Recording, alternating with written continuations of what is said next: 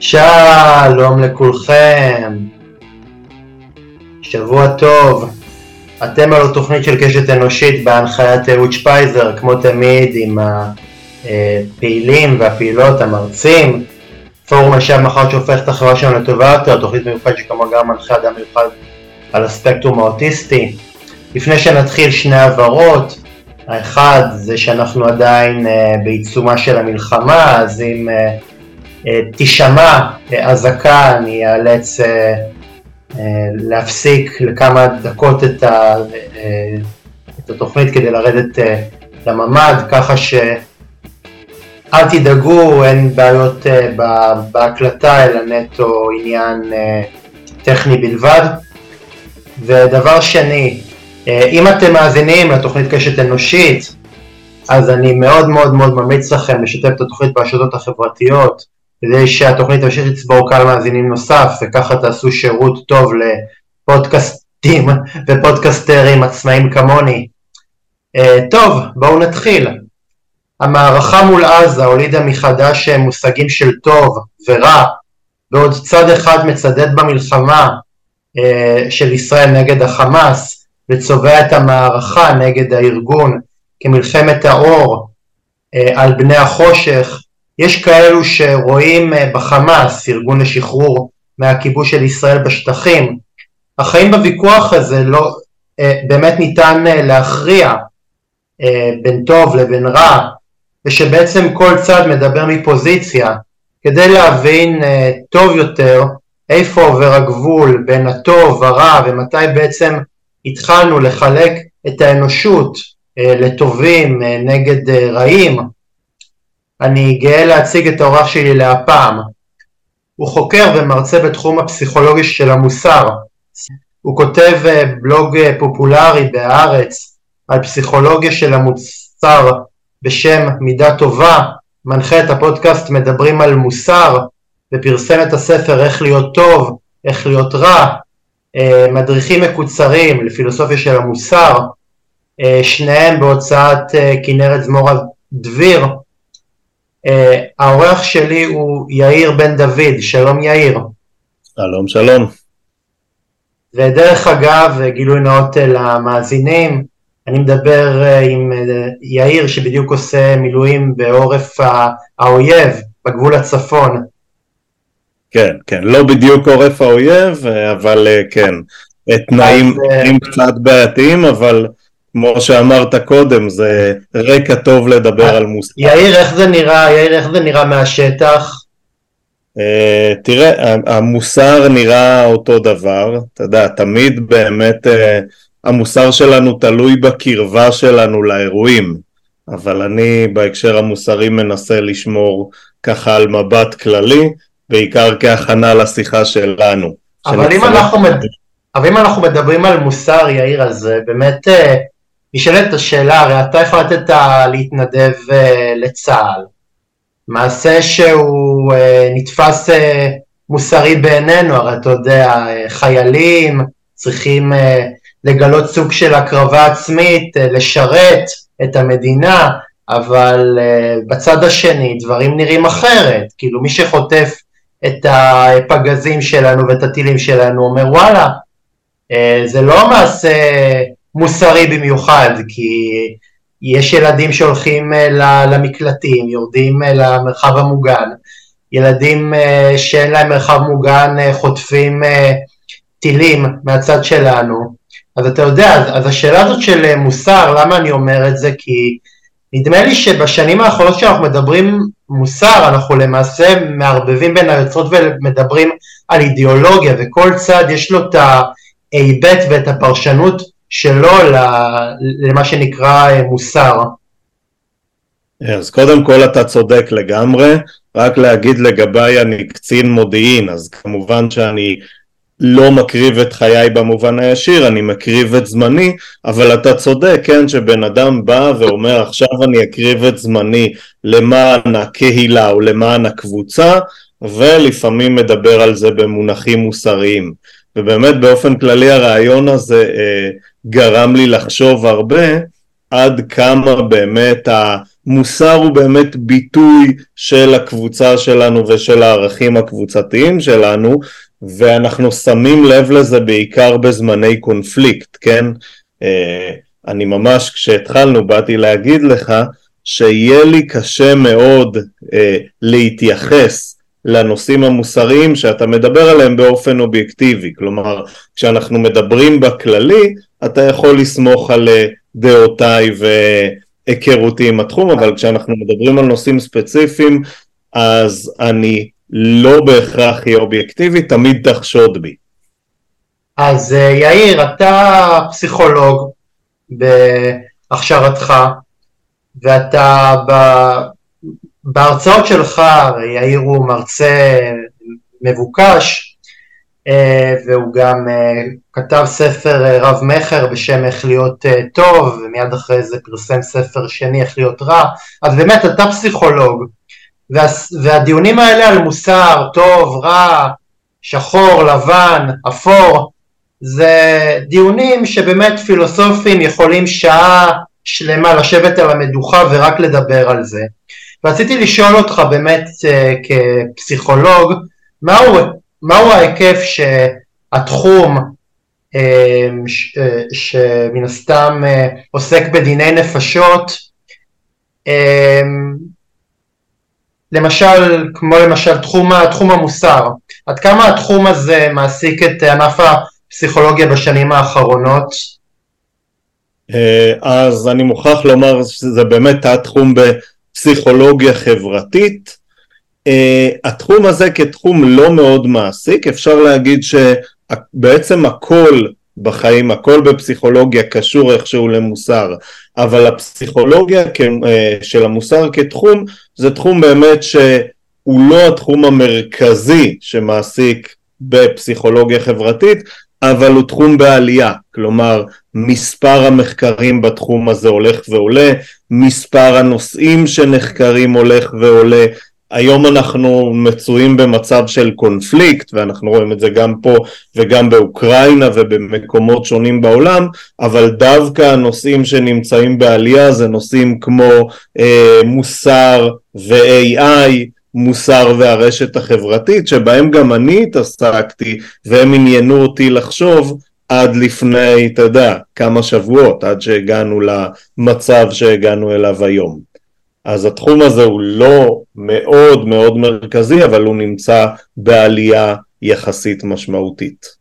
אני חושב שגם ככל שיש יותר ויותר אנשים עם אה, אה, הפרעות אה, נפשיות, אז המונחים האלה כבר די אה, מטשטשים. למה אני מתכוון? על אנשים שהם נרקסיסטים, סוציופטים, אנשים עם הפרעות אישיות גבולית, שהאנשים האלה יכולים להרע במידה זו או אחרת אה, לסביבה, אבל אה, באיזשהו מקום אה, הם לא, הם לא רעים בהגדרתם. אז, אז האם ככל שההגדרות משתנות וככל שהמושגים בתחום הפסיכולוגיה משתנים יותר אז גם ההבדלים בין רע מוחלט לטוב מוחלט מתקיים יותר?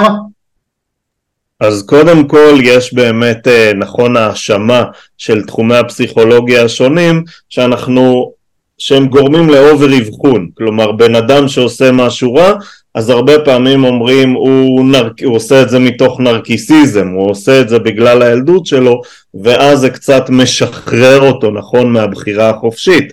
אם הוא עושה את זה בגלל איזה הפרעה שיש לו או בגלל העבר שלו אז זה קצת לא באחריותו, וכולנו באמת אה, נותנים או, או, או מקדישים משמעות לבחירה באקט המוסרי ובשיפוט המוסרי, אז הרבה פעמים מאשימים את התחום שהוא מוריד את הבחירה מהאדם, אני חושב שאחת הבעיות זה שלא רק התחום עושה את זה, אלא אנשים עושים את זה באופן טבעי, כלומר היום מאבחנים כל אחד שעושה משהו רע באיזושהי הפרעה, אה, אז זו בעיה, אבל אה, אני חושב שהתפקיד, צריך לזכור מה התפקיד של הפסיכולוגיה של המוסר.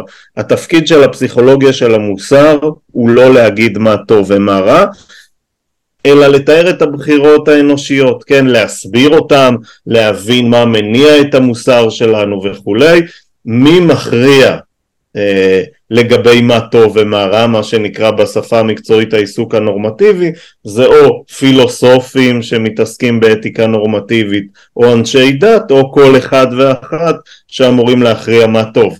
אני אמור לעזור לאנשים להבין מה גרם להם להכריע מה טוב ומה לא טוב, ואולי ההבנה הזו בעצם תאפשר להם אה, לבחור יותר טוב. אתה יודע, יש אנשים שכבר באיזשהו מקום אנשים שעוסקים בבריאות הנפש, אתה יודע, מתייחסים במידה מסוימת של סלחנות כלפי אה, דיקטטורים אה, רצחניים, הם כבר אה, באיזשהו מקום אומרים, לא, הוא לא היה רע, הוא, הייתה לו מה שנקרא בעיות, בעיות נפשיות, בעיות אישיותיות, שגרמו לו לבצע דברים שהם רעים. אז עד כמה אתה שותף לעובדה הזאת? האם אתה באופן כללי צובע את המציאות במין צבעים כאלה של טוב מוחלט ורע מוחלט?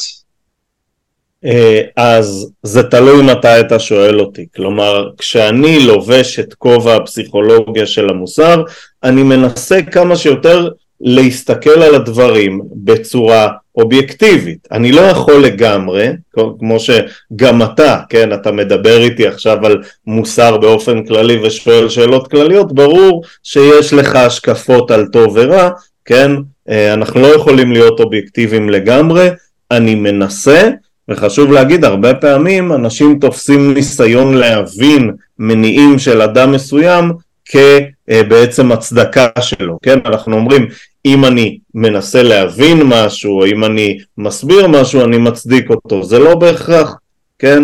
אה, ולכן חשוב להגיד ש, אה, שההבנה היא לא הצדקה, אני ב... כן, בכובעי המקצועי אני מנסה, לה, אני אנסה להבין את אותו דיקטטור אבל אם תשאל אותי אישית על מעשיו ברור שאני אשפוט אותה מוסרית וברור שזה יהיה במונחים של טוב ורע. כלומר ההסתכלות של כל אחד ואחת מאיתנו בסופו של דבר על מוסר כן קשורה לטוב ורע אם אנחנו באמת שופטים בעצמנו, לא אם אנחנו מנסים להבין את הכללים הכלליים הגדולים שמנחים את האנושות מבחינה מוסרית. אה, יאיר, עד כמה אה, כבני אדם אנחנו נתונים ללחץ אה, חברתי בכל מה שקשור לאופן שבו אנחנו מקטלגים את העולם הזה, את הקוסמוס הזה, לטוב או לרע? אז התשובה היא המון, כלומר אנחנו מאוד מושפעים מהלחץ החברתי, בעצם אנחנו, כן, יש לנו עמדות מוסריות, החברה דוחפת אותנו להפוך אותן להרבה יותר מוחלטות. אני אתן לך דוגמה אולי על עצמי, כן? אני, לא יודע אם מותר להגיד פה, לדבר פה על עמדות פוליטיות, אני מצביע מרץ, כן? כל אחד שיצביע מה שהוא בוחר, אני מצביע מרץ, ואני חושב אישית, שוב, אתה יכול לחשוב אחרת. אתה משתמש במילה מרץ אז רק בלשון עבר, כי מרץ כבר ולא עברה אחוז החסימה. נכון, נכון, נכון, אני מקווה שוב, אישית שהיא עוד תשוב ותחזיר עטרה ליושנה, אבל uh, זו, זו, זו כבר תקווה, ובאמת כמצביע מרץ, אז אני, uh, יש דברים, אני מסתכל נגיד על נתניהו, ואני אומר לאורך שנות השלטון שלו יש דברים שהוא עשה יפה, כן, שמר על כלכלה יציבה, עשה כל מיני דברים שאני חושב שהם טובים. עכשיו, כשאני בא ומדבר עם ה... קבוצת הייחוס שלי, כן, עם חברים שלי שחלקם מצביעי מרץ או שמאל, ואני אגיד להם דבר כזה, הם יכעסו עליי. איך אתה יכול להגיד על נתניהו דבר כזה? כי הם תופסים אותו כרע. ואז הם מכוונים, אני לא יכול, קשה לי להביע את העמדה הזו, ואז מכוונים אותי לתפוס עמדה הרבה יותר חד, הרבה יותר מוחלטת כלפי אה, אה, ביבי נתניהו, זה קורה כמובן גם בצד השני, גם אצל תומכי ביבי, בעצם הקבוצה שלנו מכריחה אותנו לתפוס דברים הרבה יותר מוחלטים כרע וטוב, אומרת תחליט, אתה נאמן לקבוצה הזו או לקבוצה השנייה לקבוצת היריב, אם אתה נאמן לנו, תתפוס את הדברים בצורה הרבה יותר מוחלטת, ממש מכריחים אותך לעשות את זה, או אישית או בביטוי שלך בחיים עצמם, אנחנו רואים את זה גם בהקשר של הקונפליקט, כן?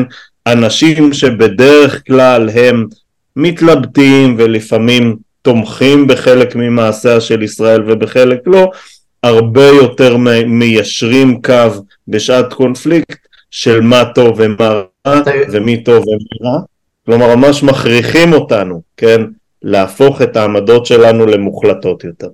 אתה יודע, אה, יש איזשהו סיפור שלאורך כל קמפיין הבחירות אה, של, של 2016, כשאז אה, דונלד טראמפ התמודד מול הילרי קלינטון, הילרי הובילה בבחירות, ובסופו של דבר דונלד טראמפ ניצח, ואחת הסיבות ש...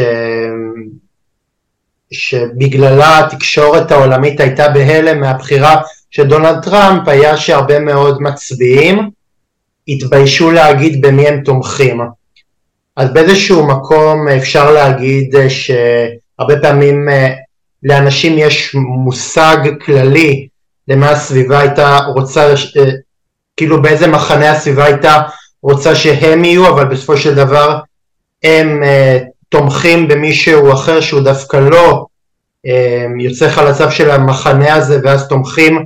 בוא, כאילו אז נשאלת השאלה האם אנחנו באמת מתעסקים במוסר פרופר או אם אנחנו מתעסקים באידיאולוגיה ואז זה במחנה אחר שבו אה, החמאה אה, הוא באיזשהו מקום מנסה די להכווין אותנו ולהוליך אותנו באף לקראת העמדות שלנו שלמעשה הן עמדות שהן שונות לחלוטין ממה שהוא רוצה שאנחנו, שאנחנו נחשוב. אז התשובה היא שכן, שזה קורה כל הזמן. אני חושב שלכולנו יש גם עקרונות מוסריים עמוקים שאנחנו מאמינים בהם, שלא ראוי לפגוע באחר, או אתה רואה מישהו שהולך למות וצריך לעזור לו, אבל הרבה פעמים באמת הקבוצה מגייסת את המוסר שלה כדי לשרת את עצמה, כן? ולפעמים היא עושה את זה בכל מיני הגדרות והכללות, כן? נגיד אה, אה, מת, מתנגדי טראמפ, שוב אני לא, לא חובב של הבן אדם, הוא מאוד אה, משעשע אותי וכולי, אני אישית לא, לא, לא מחובביו, אבל מתנגדי טראמפ בעצם יציגו את התמיכה בטראמפ כמשהו לא מוסרי, הם יבזו ויעשו שיימינג אה, לתומכי טראמפ לא רק בהקשר המוסרי אלא גם בהקשר ההשכלתי וכולי. ולכן ייווצר מצב שכן לא מקובל או אה, יותר קשה לתמוך בטראמפ גם פומבית ואז אנשים בעצם מחביאים את עמדותיהם. זה קורה המון אגב, אנחנו חיים בתקופה שיש הרבה דברים שאסור להגיד ולכן חלקנו חיים עם מין מוסר כפול, כן? מה שאנחנו יכולים להגיד ומה שאנחנו חושבים באמת. אני חושב שזה טוב שלפעמים יש דברים כאלה, כלומר גם אם יש, לכולנו יש לפעמים מחשבות גזעניות, אני חושב את חלקן עדיף שלא נגיד, כלומר זה טוב שבציבוריות יש, אה, אתה יודע, אה, חוקים של מה מותר ומה אסור להגיד, אה, אז זה טוב, הבעיה שלפעמים משרתים גם מפלגות וגם גורמים אידיאולוגיים כדי להתנשא על גורמים אחרים או להוציא אותם מחוץ לחוק המוסרי ובכך באמת אה, לנצח בבחירות כמו שהילרי ניסתה לעשות, לא כל כך הצליחה. אבל אתה יודע, אתה מתייחס לזה גם בספר שלך, במדריך, באיך להיות... אה, טוב, אתה למעשה אומר שהרבה פעמים אנחנו מבלבלים בין אה, מוסר לנועם הליכות. והרבה פעמים, אתה יודע, יש אנשים שהם טובי לב, אנשים שהמעשים שלהם הם נטו נטו נטו אה, מעורבות חברתית, ויכול להיות שאם תפגוש אותם באחד על אחד, הם לא אנשים מאוד נעימים, והם לא אנשים אה, שהם, אה, שהם כאילו מסתירים את, ה, את האני מאמין שלהם, הם נורא נורא נורא ישירים. וזה לא אנשים שאנחנו היינו יושבים איתם לקפה, אבל זה אנשים שהעשייה שלהם היא עשייה אה, טובה. אז אני הרבה פעמים חושב על התכונה הזאת של פוליטיקלי קורקט, שהיא הרבה פעמים אה, הכוונה מאחורי כוונה טובה, אבל uh, השימוש הגובר והסוציאלי בה גורמת להרבה פעמים לאנשים uh, לא, לא להתבטא או לסתום את הפה כי הם הרבה פעמים יחששו uh, שהדברים שהם יגידו יהיו לא, לא תקינים או לא נכונים. אז אני חושב שדווקא זה כן מכניס איזושהי פרופורציה מושגים שאנחנו באיזשהו מקום אה, עיוותנו אותם בין, בין הטוב, הטוב המוסרי למה שהוא טוב במובן הסובייקטיבי, שאנחנו באיזשהו מקום אוהבים להיות עם אנשים שהם נעימים ומקרינים אה, אה, חום ו, ו, וקרבה ובאיזשהו מקום מזהים אנשים שהם, שהם בוטים ואנשים שהם גסי רוח כאנשים אה, אה, לא, לא טובים ולא, ולא נעימים. נכון, אז באמת אתה צודק, אנחנו יש לנו את הבלבול הזה, הבלבול הזה הוא כבר מגיל, כן, מגיל הינקות, הרי בגיל הינקות אנחנו לא בדיוק מבינים, קשה לנו להבין מה מוסרי ומה לא, עוד אין לנו היגיון מוסרי, אז בשלבים מסוימים איך אנחנו מבינים מה מוסרי ומה לא. אם מרוצים מאיתנו, כן? אם אנחנו אומרים משהו ומרוצים מאיתנו, עושים משהו ומרוצים מאיתנו, אנחנו מבינים שהיינו מוסריים. ואז נוצר אצלנו בלבול בין מה שמרצה, שזה הרבה פעמים להיות נחמד וחמוד וכולי, למה שטוב באמת. גם אחר כך, כשאנחנו רוכשים היגיון מוסרי ויודעים, אה, אה, כמו שאתה אומר, כן, שלפעמים עשייה חברתית ב... אה, אתה יודע, בסקלות גבוהות, זה, זה הדבר הטוב, עדיין הבלבול הזה נוצר, כלומר עדיין אנחנו אומרים לעצמנו אוקיי, אבל לרצות ולהיות נחמד זה גם הטוב, אם אני מרצה ונחמד זה גם טוב ולפעמים זה סותר, כלומר לפעמים כדי להרים דברים גדולים אתה צריך דווקא לא להיות כזה, לא להיות הבן אדם הסופר נחמד והמרצה וכולי, ולכן כן, הבלבול הזה צריך להכיר בו וקצת, אה, וקצת להילחם בו. ה politically correct זה דוגמה מצוינת, כי זה לא רק politically correct, זה מין משטר שיח, כן? שלפעמים הוא בא לידי ביטוי בלייקים לדוגמה. אתה תכתוב משהו שהוא פחות מקובל להגיד או פחות נכון, אנשים לא יאהבו את מה שאתה אומר, יביעו דברים נגדך וכולי, אז אנחנו הרבה פעמים מנסים לרצות איזשהו קוד חברתי, מה שהלך רוח חברתי, מה שהוא לא בהכרח נכון ולא בהכרח אה, מוסרי. לפעמים הוא דווקא משתק אותנו ומונע מאיתנו לעשות דברים אה, אה, גדולים ומוסריים. יאיר, בוא נחזור שנייה לאקטואליה. מההיבט המוסרי שלה דווקא. אה, יאיר, עד כמה הדיון האתי שאותו מנהלים אה, מצדדי התקיפה של חמאס מול, מתנגד, מול מתנגדי התקיפה זה שיח ששייך אה, להקשר תרבותי חברתי? אז קודם כל הוא מאוד שייך, פה אני מזכיר גם תחשוד, כשאני מדבר על הקונפליקט, תחשוד. כן?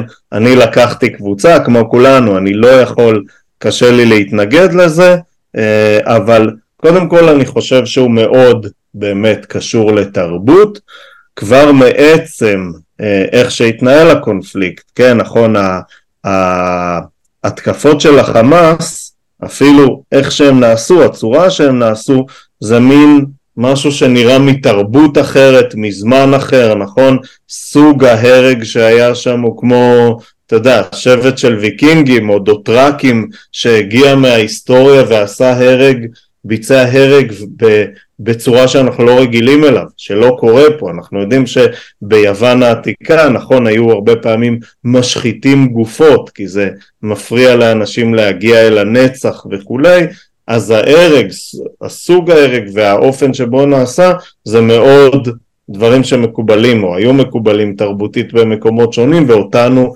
זה מאוד מזעזע, כן, אה, אה, האופן שבו זה נעשה. אה, אני חושב שבסופו של דבר כן יש כאלה שינסו, כן, שמבחינתם ינסו להצדיק את זה בטובת הקבוצה, ה, כן, טובת הקבוצה השנייה, טובת הקבוצה של אם הקבוצה היא החמאס או הפלסטינים, אז יהיה אפשר לנסות להצדיק את זה, אבל אני חושב שהאופן שבו הדבר הזה יתבצע הוא משהו שהוא מאוד מעיד על תרבות, כן? זה תרבות מסוימת שההתייחסות בה להרג והסוג של ההרג הוא שונה מאוד, הוא דבר שלא נתקלנו בו הרבה זמן ולכן הוא גם מאוד מזעזע אותנו, כן? אה, אותנו, את העולם, כן? זה משהו שהוא כבר נתפס בעיני העולם כמשהו אחר מהקונפליקט שהיה עד עכשיו, לדעתי. כן. Uh, יאיר, בספר שלך איך להיות טוב, יש תיאוריה במוסר שנקראת uh, תיאוריית עקרונית. Uh, עד כמה השיקולים כמו האם להפציץ בעזה, כן או לא, קשורים לליבה של התיאוריה הזאת? אז קודם כל דילמת עקרונית רק למאזינים שלא מכירים, אני מניח שיש, דילמת עקרונית זה דילמה תיאורטית שבה להפריד בין שני סוגי מוסר. מה זה דילמת עקרונית בעצם? הדילמה מתארת קרונית שמידרדרת על מסילה לעבר חמישה אנשים, אם היא תמשיך במסלול שלה היא תדרוס את חמישתם והמאזין, כל אחד, אתה, המאזינים יכולים להחליט האם לתת לקרונית להמשיך במסלולה או ללחוץ על כפתור שיתר אותה למסילה אחרת אבל על המסילה עומד בן אדם אחד שאם הקרונית תוטה הוא ימות ואז הבחירה היא האם מותר להרוג אדם אחד בשביל להציל כמה אנשים. המהות של הדילמה הזו היא להבחין בין מוסר של תוצאה למוסר של כללים. מוסר של כללים יכול להגיד אסור לקחת נפש של אדם לא משנה מה. מוסר של תוצאה יגיד אוקיי אם התוצאה טובה יותר זה הדבר הראוי. עכשיו זה מאוד מאוד קשור לקונפליקט פה נכון? כי הרבה פעמים אתה שואל את עצמך אוקיי אז נגיד כן המספרים פה התוצאות גם חשובות. נניח יגידו לך האמת שאני יכול לשאול אותך את זה אבל זה דילמה קשה מדי אולי. יגידו לך כדי שמקרים כאלה שנהרגו באמת כמעט אלפיים, בין אלף לאלפיים ישראלים אה, אה, לא ישנו, אתה צריך להרוג מיליון איש. האם זה מוצדק? אלף, אלפיים איש זה מוצדק? אה, עשרת אלפים איש זה מוצדק? כלומר, עד כמה, כן, המטרה מקדשת את האמצעים, וברור שזה חלק מהקונפליקט, כלומר אני חושב שרוב האנשים מאמינים שמיליון איש זה לא מוצדק, יש מחירים שהם כן מוצדקים, אז התפיסה של מהו מחיר מוצדק בהקשר הזה מאוד מאוד מנחה אותנו. כן, אבל אני חושב למשל בהקשר הזה של התקיפה בעזה, יש אנשים שאתה יודע, אני, אני מסתכל על אה, קולות מסוימים במחנה השמאל, והם אומרים, אוקיי, אבל אה, נכון, ההרג שהחמאס ביצע של חף מפשע הוא מזעזע, אבל באופן יחסי אנחנו הורגים יותר. אבל אנחנו יכולים לטעון ש, שאנחנו עושים את זה בש, לא כי אנחנו רוצים חס וחלילה להרוג לשם ההרג אה, פר סי, אנחנו עושים את זה כי אנחנו הורגים, אה, אנחנו הורגים אנשים כ, כפועל יוצא של אה, הפצצות של מפקדות חמאס שמסתתרות בתוך האוכלוסייה. אז באיזשהו מקום אה, אפשר אה, להשוות את זה לדילמת הקורונית, כאילו אתה לוקח סיכון בהנחה שיהרגו, שימותו אנשים, אבל אתה אומר זה מחיר ששווה לשלם אותו כדי שהחמאס על כל אנשיו לא יהרוג יותר אזרחים חפים מפשע. כן, אז פה יש באמת אה, דילמת קרונית הפוכה.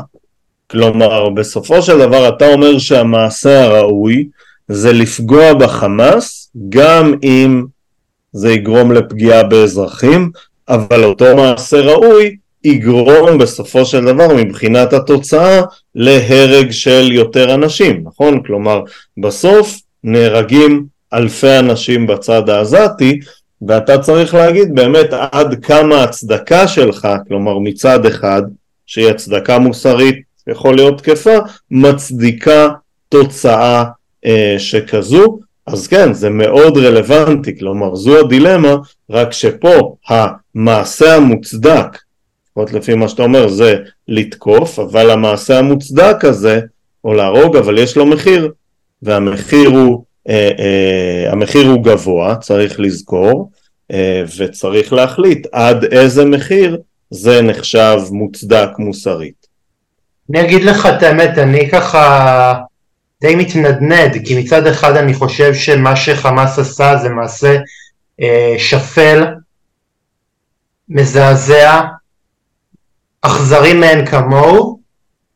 מצד שני, אני, כש, כשהייתה המלחמה הזאת, אני הייתי, אה, אני, אני לא רוצה מלחמה, אבל מצד שני גם לא ראיתי ברירה אחרת מלבד להפציץ בעזה. אז אני באיזשהו מקום אה, חשבתי שבשביל אה, לא, לא להיקלע למצב אה, דומה בפעם הבאה, זה מחיר שאפשר לשלם אותו. אז אה, למעשה אני חושב שבאיזשהו מקום הדילמה הזאת שאתה מתאר בספר שלך היא דילמה שכל אדם אה, אה, מצוי איתה בימים, בימים אלה. אני גם חושב שאחד הדברים שהם צבועים בעיניי זה שהאנשים האלה שקוראים לישראל להניח את, את נשקה ולא להפציץ בעזה די מתעלמים מההקשר שבו דברים נעשים, ואני חושב ש, שבשביל להבין את העמדה שלנו צריך גם להתחקות אחרי האירועים. אני, אני מסכים איתך לגמרי, אחד הדברים הבולטים זה שהרבה אנשים שגינו את ה, מה שישראל עושה בעזה פשוט התעלמו מהטבח, שזה, אתה יודע, אותנו זה מזעזע כי זה אנחנו, אבל יש פה גם פגם מוסרי. הפגם המוסרי הזה לא בהכרח נובע מרוע, לפעמים הוא נובע מזה שכל כך קשה לאנשים להתמודד עם הדיסוננס המוסרי, שהם פשוט מתעלמים מחלק מהסיטואציה. הם אומרים הרי אם uh, הטבח הוא בעצם שנעשה ב, ב, באזרחים הישראלים יכול להצדיק, כן, uh, תקיפות מסוימות ופגיעות מסוימות בחמאס שיכולות גם אה, לגרום בעקיפין לפגיעות באזרחים ולכן בגלל שהוא יוצר קונפליקט אצלנו אנחנו נתעלם ממנו. אבל פה יש משהו שהוא חסר כנות מוסרית באמת בלהתייחס לסיטואציה בלי כמעט להתייחס למעשה של החמאס או לטבח ואנחנו רואים את זה באמת בהרבה מקומות בשמאל העולמי.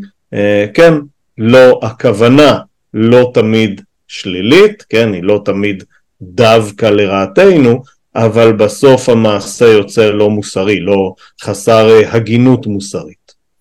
אני חושב שבאיזשהו מקום הם, הם, הם מסתכלים על מוסר ב, מאוד מאוד מפוזיציה, כי הם באיזשהו מקום אומרים, אוקיי, אבל אתם תמיד בצד המתקיף, אז לכם אין, אה, אין זכות אה, לדבר, כי אתם למעשה מצדדים ב... בצד, בצד של המערב, בצד הקולוניאליסטי, אז, אז אתם תמיד תהיו, אז אתם תמיד תהיו הצד המתקיף שלדעתי. יש בזה הרבה מאוד uh, חוסר פריות, כי גם את uh, ה-9-11 אפשר, uh, אפשר להציג כ, כאירוע כזה, אבל, אבל עדיין היה שם הרג שמתו בו חפים מפשע שהם לא קשורים לוויכוח שהמערב והמזרח מנהל. נכון, אז זה באמת, זו הבעיה בהסתכלות פשטנית. הרבה פעמים קל לאנשים, בטח שנמצאים רחוק, לפשט את הסיטואציה. הפישוט של הסיטואציה מקל עליהם, אומר להם יש כמו שאמרת שהקבוצה, הקבוצה שלנו הרבה פעמים דוחפת אותנו לראות את העולם בטובים ורעים ובאופן פשטני, אז אותו תהליך קורה גם, ב, אתה יודע, בחלק מהגורמים בשמאל העולמי שאומרים אוקיי בוא יותר קל לנו לראות את העולם כטובים ורעים ולכן בוא, בוא נחליט, כן החלטנו אפריורית מי הטוב ומי הרע ואם ישראל היא החזק והרע אז היא תמיד תהיה כזו, כן אנחנו לא נהפוך את ההשקפה שלנו למורכבת יותר אבל כאמור הניסיון הזה לפשט כדי להקל על מי אמור להסתכל על הסוגיה המוסרית, בסוף יכול לגרום לדברים לא מוסריים. זה קצת אה, מזכיר את, ה... את הוויכוח שניהלו ב... אה, בברית המועצות, שה... שהקפיטליזם. וארצות הברית אה, הם, ה... הם מעמד, ה... מעמד הבורגנות, המדכאים, והאנשים שתומכים בברית המועצות ובגורותיה הם אלה שמייצגים את, ה, את העמדה של, של מעמד הפרולטריון שרוצה להשתחרר מהכבלים של המעמד השליט, אבל אתה יודע, כשאתה נלחם למען צדק, אתה באופן פרדוקסלי משיג את ההפך, אתה בשם הצדק הזה מוכן להרוג חפים מפשע, שלדעתי זה, זה משהו שיש לי איתו הרבה מאוד קונפליקט רב שנים עם, עם חבריי בשמאל הקיצוני.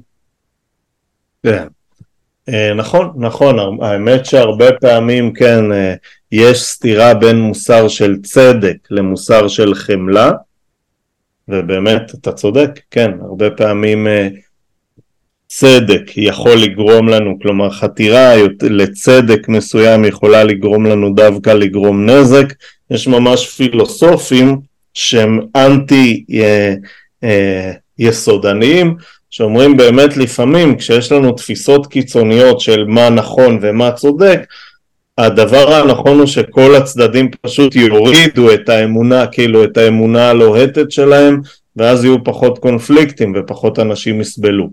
אז באמת אתה צודק לגמרי שזה יכול דווקא ההליכה העיוורת אחרי עקרונות של צדק יכולה לפגוע ולהזיק. יאיר, בספרך השני, איך להיות רע, אתה למעשה נותן סקירה יותר אה, פרקטית על איך אה, לנתב את התכונות הרעות שלנו לכיוונים טובים.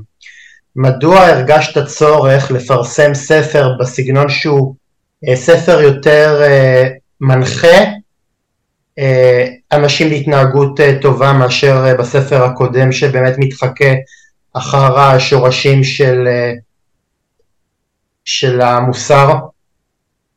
אז שאלה טובה.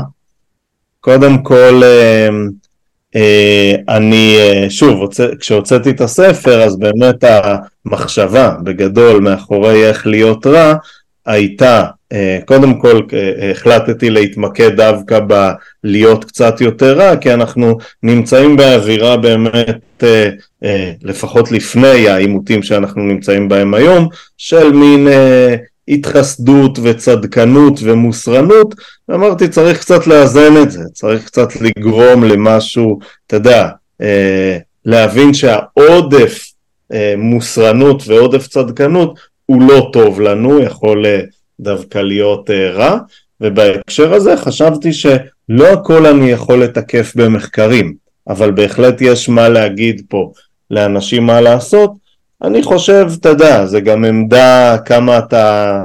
בספר הראשון היה לי קשה אישית לבוא ולהגיד לאנשים מה לעשות, בספר השני קצת יותר לקחתי את החירות הזו, אה, שוב, קשה לדעת מה יותר טוב ומה פחות טוב, יש אנשים שמעדיפים שכן ינחו אותם ויגידו להם מה לעשות, ויש כאלה שיגידו מי שמך, כן? בסדר, אתה אמור להבין מה מניע אנשים מוסרית וכולי, להגיד לי מה טוב ומה נכון לעשות בחיים עצמם, זה בעיה. זה באמת עמדה שאתה נוקט. כמה אתה מוכן ממש לבוא ולהגיד לאנשים, באמת להנחות אנשים מה לעשות בחיים ולתת להם ממש עצות פרקטיות.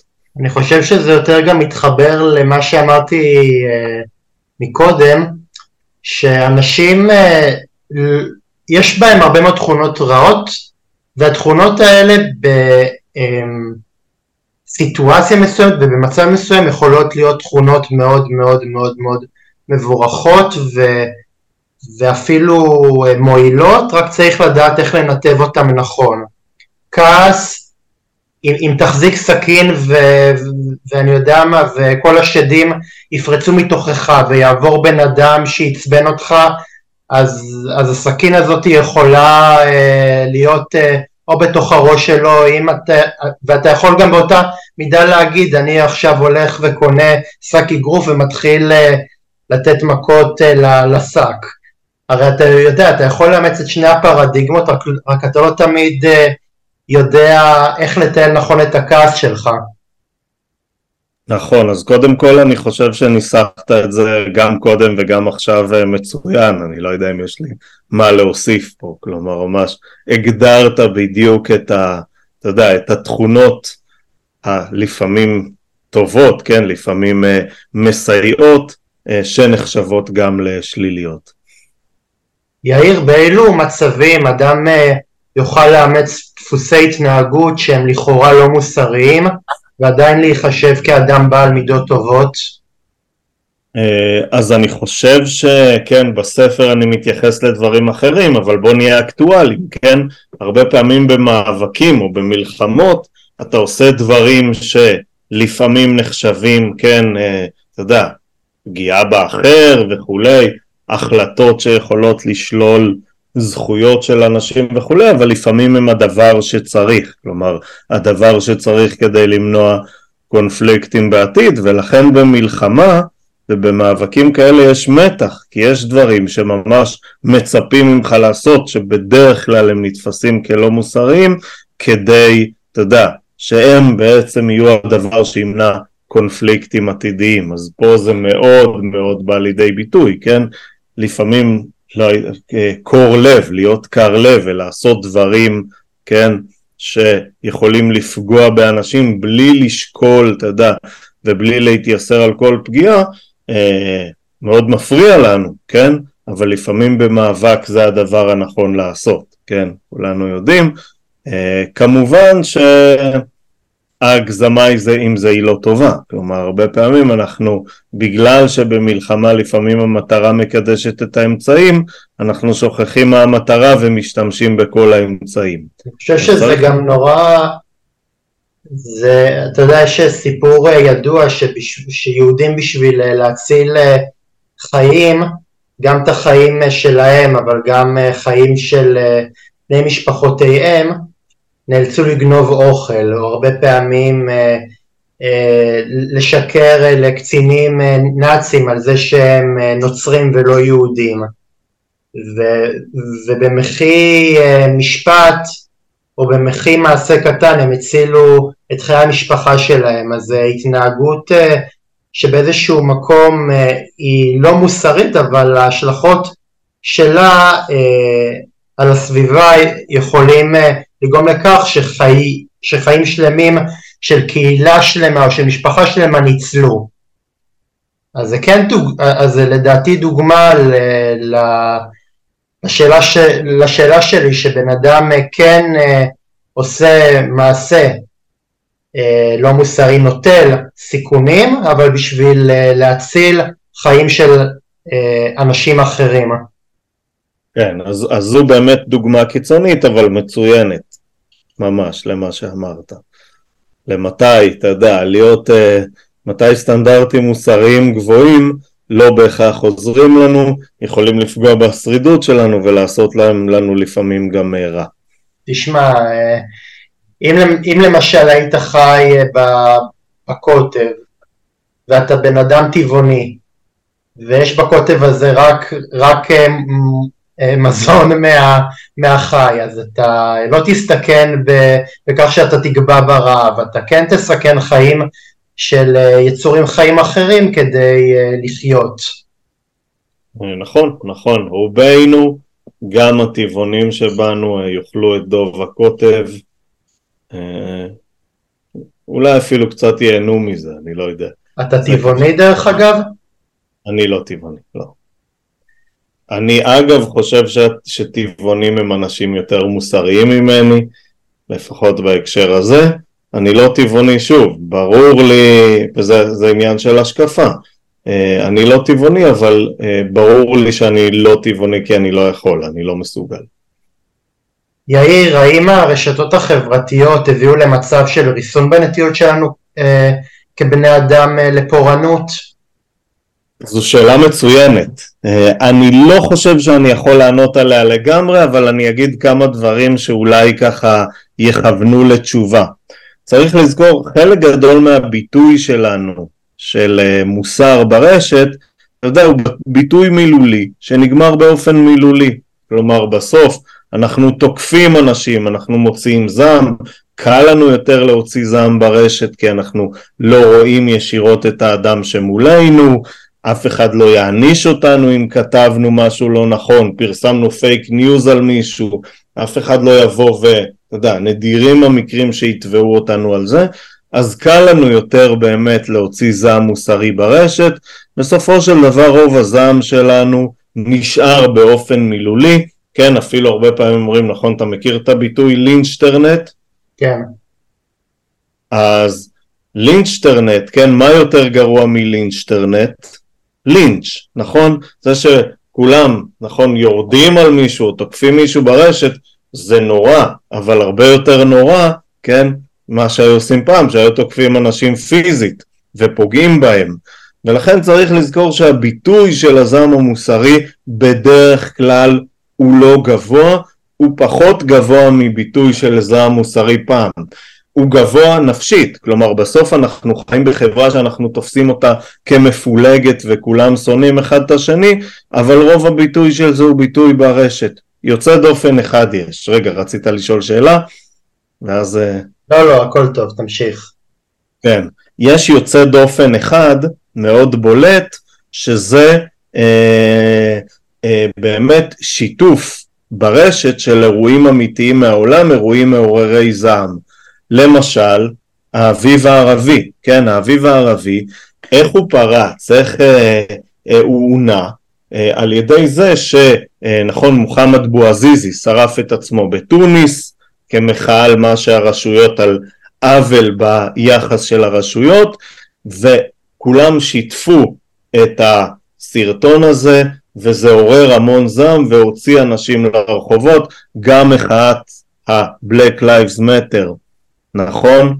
בעצם, נוצ... בעצם הוצתה בגלל אה, הנושא הזה, התמונות, הווידאוים, התמונות האלה של שוטר שמניח את ברכו על צווארו של ג'ורג' פלויד והורג אותו, התמונות האלה הופצו. זה מזעזע מאוד ומעורר את הזעם המוסרי של כולנו. אגב, גם בהקשר עכשיו של המלחמה בעזה, חלק ממה שגורם לאנשים לרצות לנקום, נכון הרבה מדברים על לשטח את עזה, הם באמת אותם שיתופים של סרטונים ותמונות שבאמת מזעזעים אותנו וגורמים לנו אה, אה, לרצות, כן, לעשות אה, אה, דברים מסוימים. אז הדבר הזה הוא באמת, אה, התחום הזה של שיתוף סרטונים ותמונות מזעזעים, זה באמת משהו שכן גורם הרבה יותר לפעולה מאשר כל מיני ביטויים מילוליים של אנשים על פני ה... אינטרנט. אני מסכים איתך שמצד שני אה, באינטרנט אתה יכול לפרוק את הזעם שלך בצורה שלא תפגע באף אחד, מצד שני אני כן אה, חסיד של המשפט חיים ומוות ביד הלשון. אם אתה כל הזמן, כל הזמן, כל הזמן מכפיש בן אדם ובאיזשהו מקום ההכפשה האישית שלך עוברת לקבוצות גדולות יותר ולמחנה משותף רחב יותר, הבן... אנשים שלא יודעים להתמודד עם זה, אנשים רגישים, אנשים שלא היו רגילים להיות uh, חשופים בצריח, יכולים, uh, יכולים לסיים עם, עם חייהם, יכולים לשים קץ לחיים שלהם, אז כן uh, באיזשהו מקום, אתה לא uh, הורג אותם באופן uh, uh, ישיר, אבל אתה יכול בעקיפין לגרום למותם. נכון, אז למותם בדרך כלל לא, לא תגרום ברוב המקרים, אבל באמת אחד הדברים הנכונים בהקשר הזה, זה באמת שהיום מתים פחות, אין מה לעשות, כן, הנתונים מראים שפחות נהרגים מהמון, בהמון תחומים, מלחמות, סוגים מסוימים של אלימות, אבל כן החשיפה שלנו לרשת יכולה לפגוע בנו פסיכולוגית, היא פוגעת בנו גם אם כמובן מעליבים אותנו ומשפילים אותנו וגם אם גורמים לנו לשנוא אחרים, כלומר היום אנחנו חיים בתקופה שלא נהרוג אחד את השני, כן, ימנים עוד לא, אולי בעתיד, לא יודע, היום לא יצאו ויהרגו שמאלנים ושמאלנים לא יצאו ויהרגו ימנים אבל התחושה הפסיכולוגית היא מאוד קשה של קרע מטורף, של זעם מטורף על הצד השני, שרק הולך ומתגבר, ויהיו כאלה שיטענו שבגלל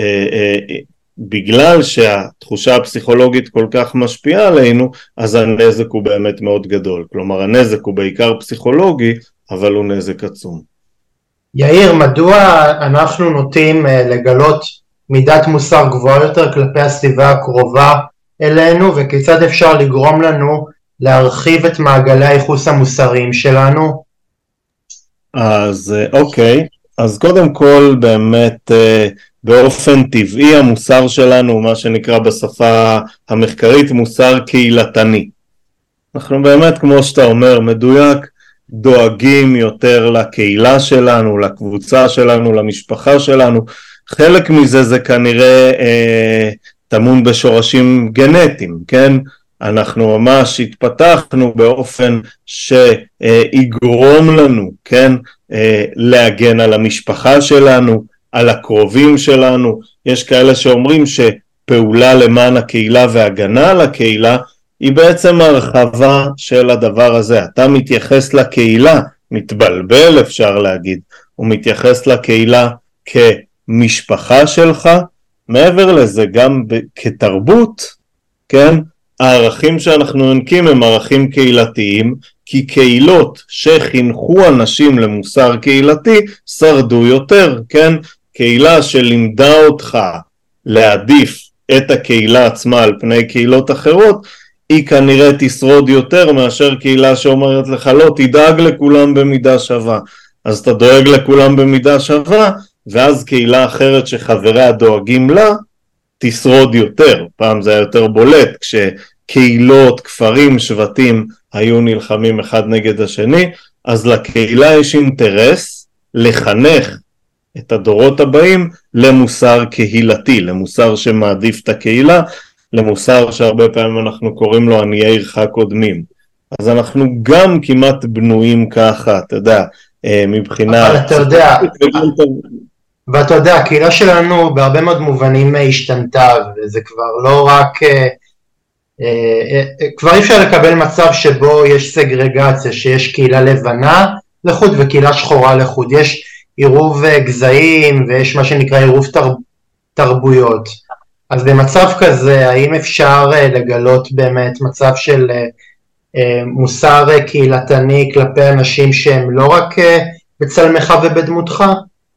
כן, אז הרבה פעמים באמת מצליחים לגרום לנו, אה. יש כאלה שפשוט מצליחים לגרום לנו להרחיב את הקהילה שלנו, כלומר להגדיר את כל בני אדם כחלק מהקהילה שלנו. ואז נשאלת השאלה מה עם בעלי חיים וכולי. אבל באמת אפשר לגרום לנו להסתכל על הקהילה שלנו אה, אה, במבט יותר רחב, אבל חשוב להגיד שהנטייה הטבעית שלנו היא להסתכל על העולם בצורה קהילתית. כלומר, הרבה פעמים גם אם אני אוחז במוסר אוניברסלי אה, ואומר, לפחות ב, אתה יודע, בציבור, אני מסתכל על כל בני אדם אותו דבר, בסוף אני אעדיף את הקהילה שלי שהיא קהילת האנשים בעלי המוסר האוניברסלי. אני אראה מישהו שהוא uh, שמרן, אני לפעמים לא אעדיף אותו, אפילו, לא יודע, uh, uh, אפעל נגדו. ולכן לפעמים הקהילה שלי, כן, זה פשוט הפציפיסטים, או השמאלנים, או האורבנים, כלומר אני כן אתפוס את העולם באופן קהילתי, רק שאני אחלק את הקהילות באופן קצת אחר. קשה מאוד להשתחרר מהנטייה הזו. אפשר אבל קשה וצריך לזכור שלפעמים מוסר גוזר עלינו באמת להתעלות מעל כל מיני אה, נטיות טבעיות שיש לנו. יאיר לקראת uh, סיום, האם אנחנו כחברה נמצאים בעידן שבו אנחנו כחברה יודעים לפתור קונפליקטים בדרך מוסרית יותר, או שעוד יש לנו כברת דרך לעשות? אה, אז התשובה היא כן וכן, כלומר יש לנו כברת דרך לעשות, אנחנו היום פותרים קונפליקטים יותר טוב מפעם, כן, מספר ההרוגים במלחמות ובקונפליקטים הולך ויורד. במהלך ההיסטוריה, ממש רואים את הנתונים, לאחרונה בשנים האחרונות לצערנו יש שוב ככה עלייה קטנה אבל לא חזרה אתה יודע למס, למספרי ההרוגים והפצועים והחולים שהיו פעם ובאמת כמעט בכל תחום אנחנו משתפרים אנחנו יודעים לנהל קונפליקטים יותר טוב אנחנו יודעים לנהל בעיות מוסריות יותר טוב אה, וצודקים אותם אופטימיים כמו אתה יודע הוגים כמו אה, סטיבן פינקר או אפילו אה, יובל נוח הררי שלנו, שאומרים שהעולם כן הולך והופך למקום יותר טוב. אחד הדברים שהאנושות למדה, זה היא למדה עד כמה קונפליקט מניע אותנו ומכריח אותנו אה, אה, להתנהג באופן מסוים, והיא ממש יצרה פרוטוקולים לניהול קונפליקט ואפילו להימנע מקונפליקט כדי לא להגיע למצבים כאלה. אחת הבעיות היא באמת ולכן שם עוד נותרה לנו עבודה שלפעמים כשאנחנו כבר בתוך הקונפליקט אז קשה יותר לנהל אותו ופתאום אנחנו זונחים את ההיגיון ונותנים לרגשות מוסרי, לרגשות קבוצתיים כמו שנאה קבוצתית ונקמה להנחות אותנו וזה משהו שקורה לכולנו זה מאוד טבעי אבל אנחנו פחות יודעים לנהל את זה אז השתפרנו אבל יש לנו עוד הרבה עבודה. אתה יודע, אני שמעתי משהו די מדהים. המאה ה-20 נחשבת לאחד ה... למאה הכי מדממת בתולדות האנושות, ואפילו בתוך ציר הזמן הזה היא הייתה, היא הייתה התקופה הכי פחות אלימה מב... מתוך ציר הזמן הזה, שזה נתון די מדהים. איך, איך זה אפשרי? כלומר, אתה אומר יחסית לגודל האוכלוסייה? יחס, אה, אתה יודע, אה, פעם אה, היה, פעם בני אדם היו פחות מתורבתים, פחות מוסריים כנראה, אז אתה יודע, הם פתרו בעיות בצורה שאם מישהו לצורך העניין עושה משהו לא מוסרי אז אני נוקט בשיטת העין תחת עין, שן תחת שן. אז uh, יכול מאוד להיות שכן, שהייתה אלימות והיו פשעים מחרידים נגד האנושות, אבל עדיין זה היה הרבה פחות אלים בהשוואה לתקופות אחרות. שוב, אל תשאל אותי את זה, זה משהו שלמדתי ב... ב uh, זה, um, בקורס באוניברסיטת תל אביב שנקרא uh, תורת הלחימה. במדע המדינה. אוקיי, okay, זה מעניין, ופה נשאלת השאלה, האם אתה מעדיף חברה אלימה קצת, או חברה שאחת לכמה שנים קורית במלחמה נוראית כמו מלחמת העולם הראשונה או השנייה? חושב ש... אני חושב שהאנושות אה, אה, מתנהלת אה, לפי ציר זמן אה, שהוא לא, לא לינארי, לפעמים יכול אה, להיות אה, אה, תקופה רגועה, ולפעמים אחרי התקופה הרגועה הזאת יכולה לבוא תקופה משברית שבה אה, דברים ייפתרו בצורה אלימה לא כי אנשים רוצים בכך אלא כי פשוט אין ברירה. אולי מחסור במזון, מחסור במשאבים, מחסור בשטח, אבל אני מאוד מאוד מקווה שלא נגיע לשם. כן, כן, חשוב לראות, אנחנו רואים מגמה, כלומר המגמה היא טובה, אתה צודק שאין לדעת מתי פתאום יהיה יבוא, יבוא האסון הנורא, אבל אנחנו רואים מגמה והמגמה היא חיובית. גם אם יש, אתה יודע, לא הייתי קורא לזה במפים, כי זה אירועים נוראים כמו המלחמה באוקראינה, או האירועים באזור שלנו במזרח התיכון, זה עדיין הרבה פחות אה, ממה שהיה בעבר, ומנוהל לפחות ברמה העולמית כמשהו שבדרך כלל לא יגרום לקונפליקט עולמי. יאיר, לסיום, כיצד היית אה, מגדיר מוסר מבלי ליפול לתבניות המוכרות של טוב ורע? אוקיי, okay, אתגרת, כי אני חושב שברמה האישית, ברמה הפסיכולוגית, אי אפשר לברוח מהגדרות של טוב ורע. אני כן יכול להגיד שאם אני מסתכל על כללי המוסר, אה, על רוב כללי המוסר שאנחנו אה, מצייתים להם, אלו כללים שבדרך כלל עזרו להישרדות, לפעמים של יחידים, אבל בעיקר של קבוצות, כן? קבוצה ששבט, אתה יודע, קהילה שאסור לגנוב בו, היה שבט שהרכוש הפרטי בו שרד יותר, היה מה לשמור, לשמור מצבורי חיטה וצאן ובקר, והיית יכול לגדל ולסמוך שבעתיד לא יגנבו לך, אז החברה הייתה שורדת יותר טוב. גם חברה שיש בה קוד שלא תרצח, שורדת יותר טוב, ולכן אלו כללים שעזרו לשמור על חברות, כן? ערך מוסרי נוסף זה ערך הנאמנות, זה ערך שפעם באמת קבוצה שהייתה בה נאמנות ומישהו היה תוקף אותה, כן? אז כל חברי הקבוצה היו מתאספים ומוסרים את נפשם כדי להגן על הקבוצה, זה עזר באמת לקבוצה לשמור את עצמה מפני אה, קבוצות אחרות, קבוצות מתחרות.